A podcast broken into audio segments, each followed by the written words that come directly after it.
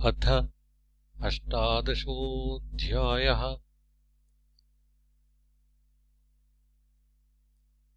ययातिचरितम्। श्रीशुक उवाच।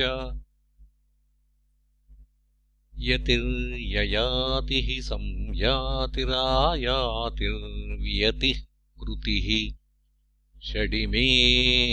षडिमेनहुषस्यासन्निन्द्रियाणीव देहिनः। राज्यम् नैच्छद्यतिः पित्रा दत्तम् तत्परिणामवित्। यत्र प्रविष्टः पुरुषः आत्मानम् नावबुध्यते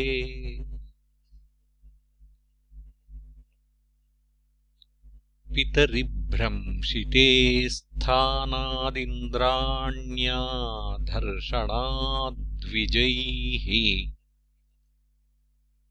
प्रापिते जगरत्वम् वै ययातिरभवन् नृपः।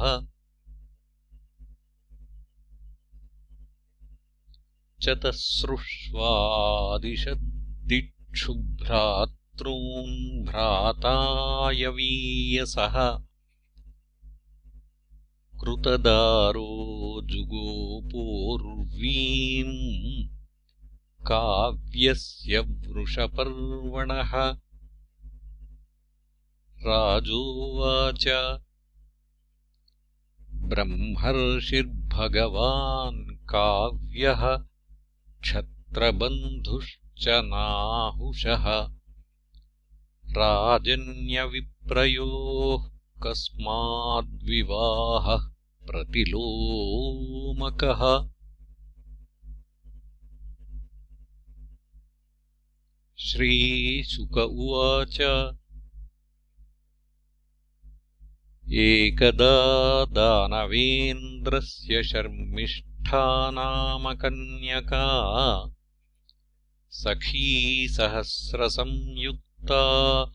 गुरुपुत्र्या च भामिनी।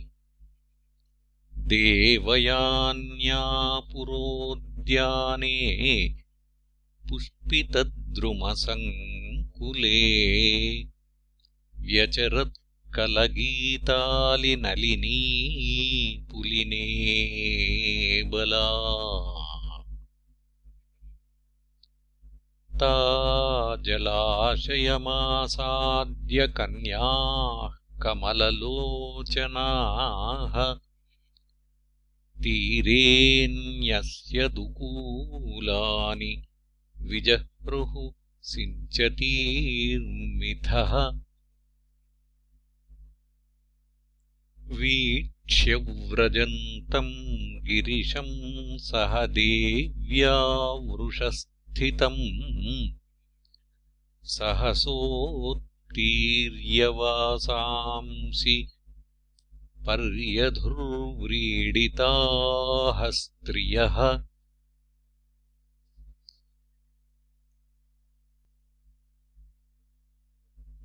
शर्मिष्ठा जानतीवासो गुरुपुत्र्याः समव्ययत् स्वीयम् मत्वा प्रकुपिता। देवयानीदमब्रवीत्।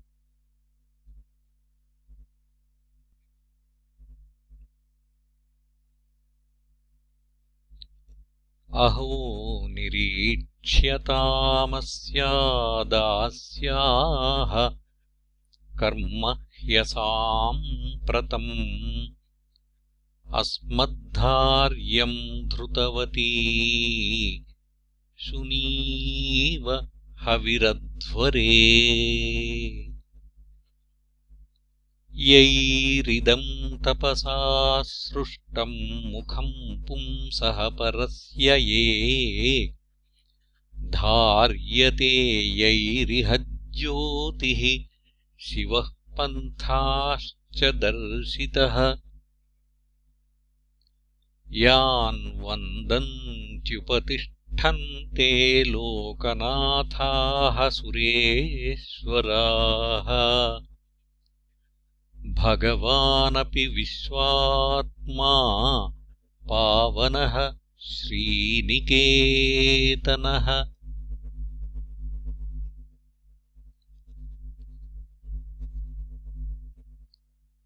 वयम् तत्रापि भृगवः शिष्योऽस्या नः पितासुरः अस्मद्धार्यम् धृतवती शूद्रो वेदमिवासति।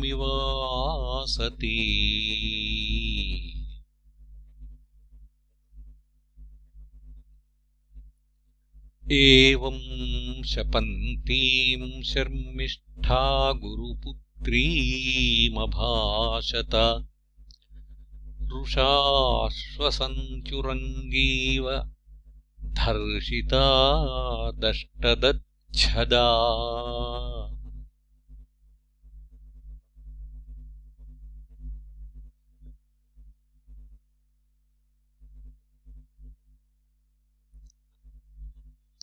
आत्मवृत्तमविज्ञाय कथसे बहुभिक्षुकी। किम् न प्रतीक्षसेऽस्माकम् गृहान् बलिभुजो यथा। एवम् विधैः सुपरुषैः क्षिप्त्वाचार्यसुताम् सतीम् शर्मिष्ठा प्राक्षिपत्कूपे वासश्चादायमन्युना।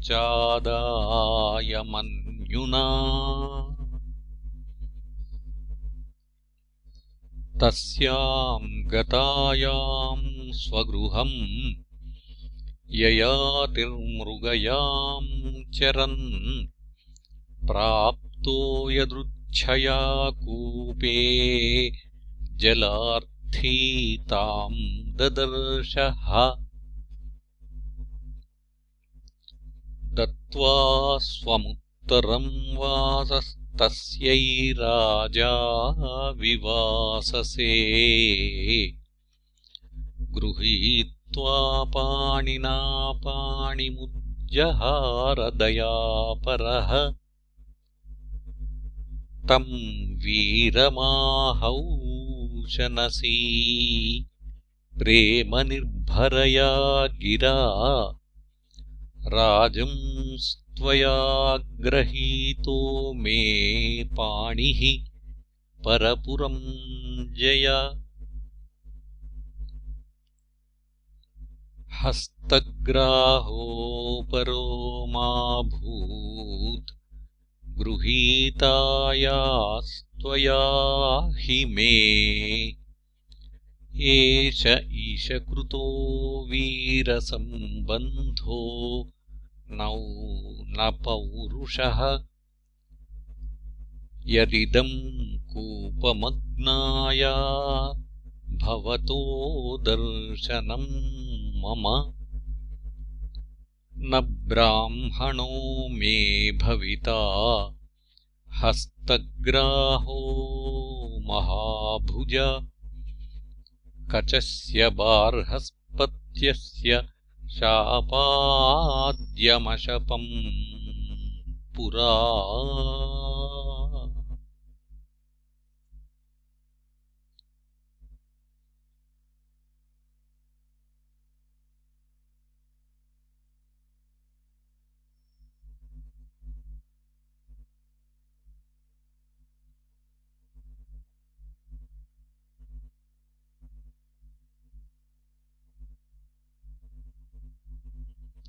ययातिरनभिप्रेतम् दैवोपहृतमात्मनः मनस्तु तद्गतम् बुद्ध्वा प्रतिजग्राहतद्वचः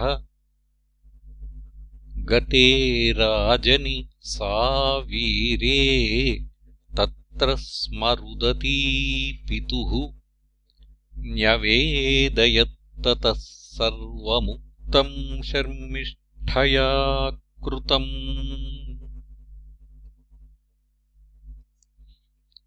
दुर्मना भगवान् काव्यः पौरोहित्यम् विगर्हयन्।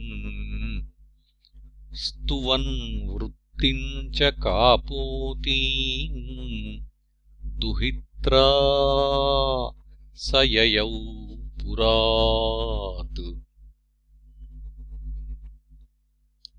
वृषपर्वातमाज्ञाय प्रत्यनीकविवक्षितम्। गुरुम् प्रसादयन् मूर्ध्ना पादयोः पतितः पथि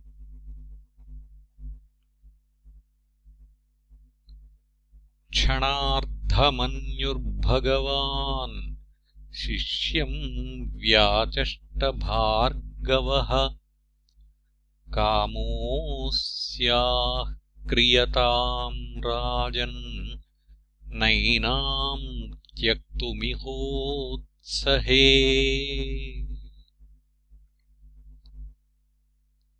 तथेत्यवस्थिते प्राह देवयानीमनोगतम् पित्रा दत्तायतो यास्ये सानुगायातु मामनु। स्वानाम् तत्सङ्कटम् वीक्ष्य तदर्थस्य च गौरवम् देवयानीम् पर्यचरत् स्त्रीसहस्रेण दासवत्।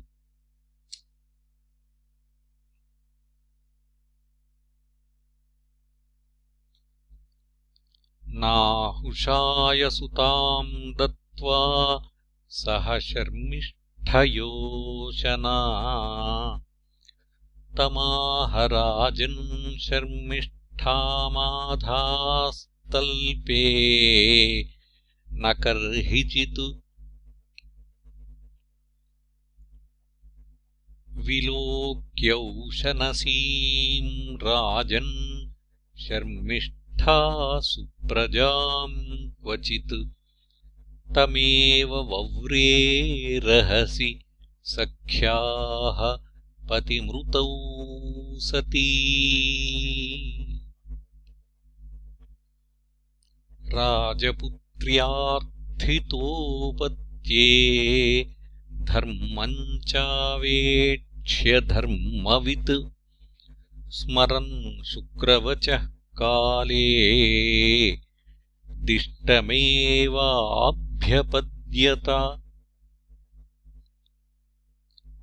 यदुम् चतुर्वसुम् चैव देवयानी व्यजायत द्रुह्युम् च पूरुम् च शर्मिष्ठावार्षपर्वणि।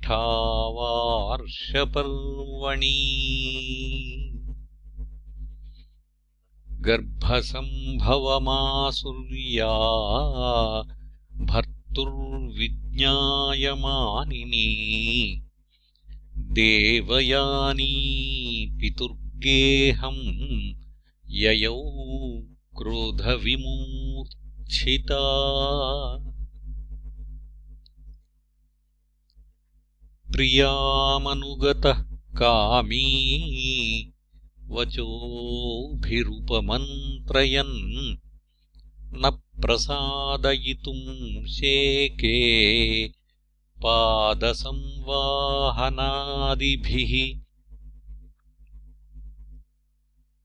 शुक्रस्तमाह कुपितः स्त्रीकामानृतपूरुष त्वाम् जराविशताम् मन्द विरूपकरणी नृणाम्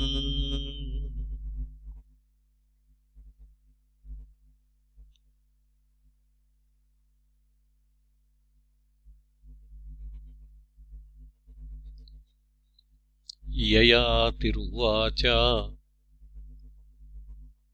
अतृप्तोऽस्म्यद्य कामानाम् ब्रह्मन् दुहितरिस्मते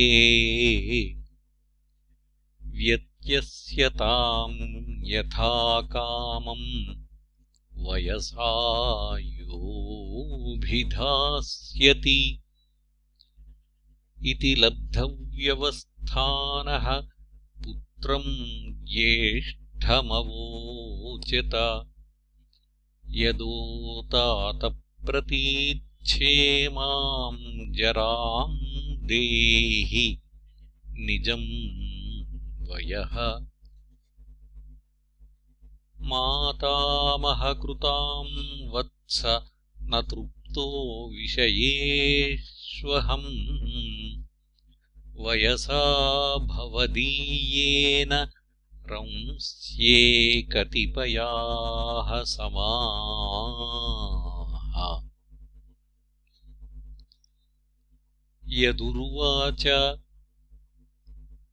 नोत्सहे जरसा स्थातुमन्तरा प्राप्तया तव अविदित्वा सुखम् ग्राम्यम् वै तृष्ण्यम् नैति पूरुषः। तुर्वसुश्चोदितः पित्रा द्रुह्युश्चानुश्च भारत। प्रत्याचक्षुरधर्मज्ञा ह्यनित्ये नित्यबुद्धयः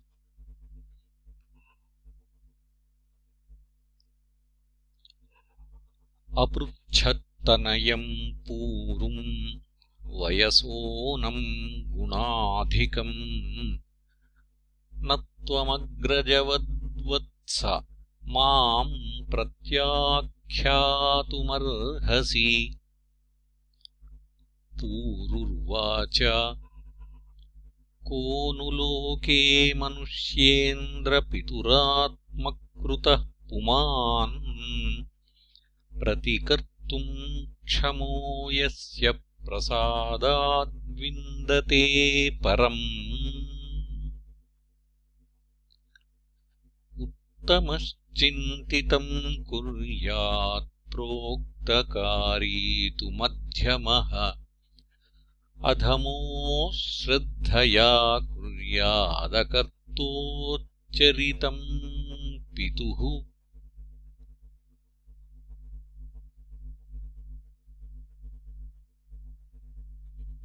इति प्रमुदितः पूरुः। प्रत्यगृह्णाज्जराम् पितुः। सोऽपि तद्वयसा कामान् यथावज्जुजुषेन्नृप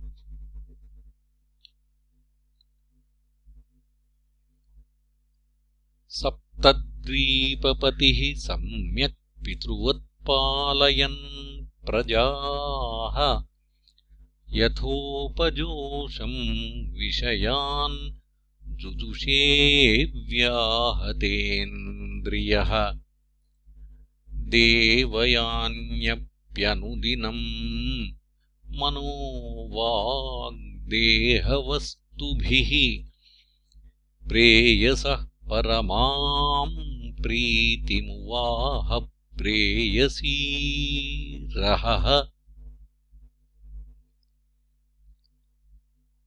अयजद्यज्ञपुरुषम् क्रतुभिर्भूरिदक्षिणैः सर्वदेवमयम् देवम् सर्ववेदमयम् हरिम् यस्मिन्निदम् विरचितम् व्योम्नीव जलदावलिः नानेव भाति नाभाति स्वप्नमायामनोरथः। तमेव हृदि विन्यस्य वासुदेवम् गुहाशयम् नारायणमणीयांसम् निराशीरयजत् प्रभुम् एवम् वर्षसहस्राणि मनःषष्ठैर्मनः सुखम् विदधानोऽपि नातृप्यत्सार्वभौमः कदिन्द्रियैः। इति श्रीमद्भागवते महापुराणे पारमहंस्याम् संहितायाम् नवमस्कन्धे अष्टादशोऽध्यायः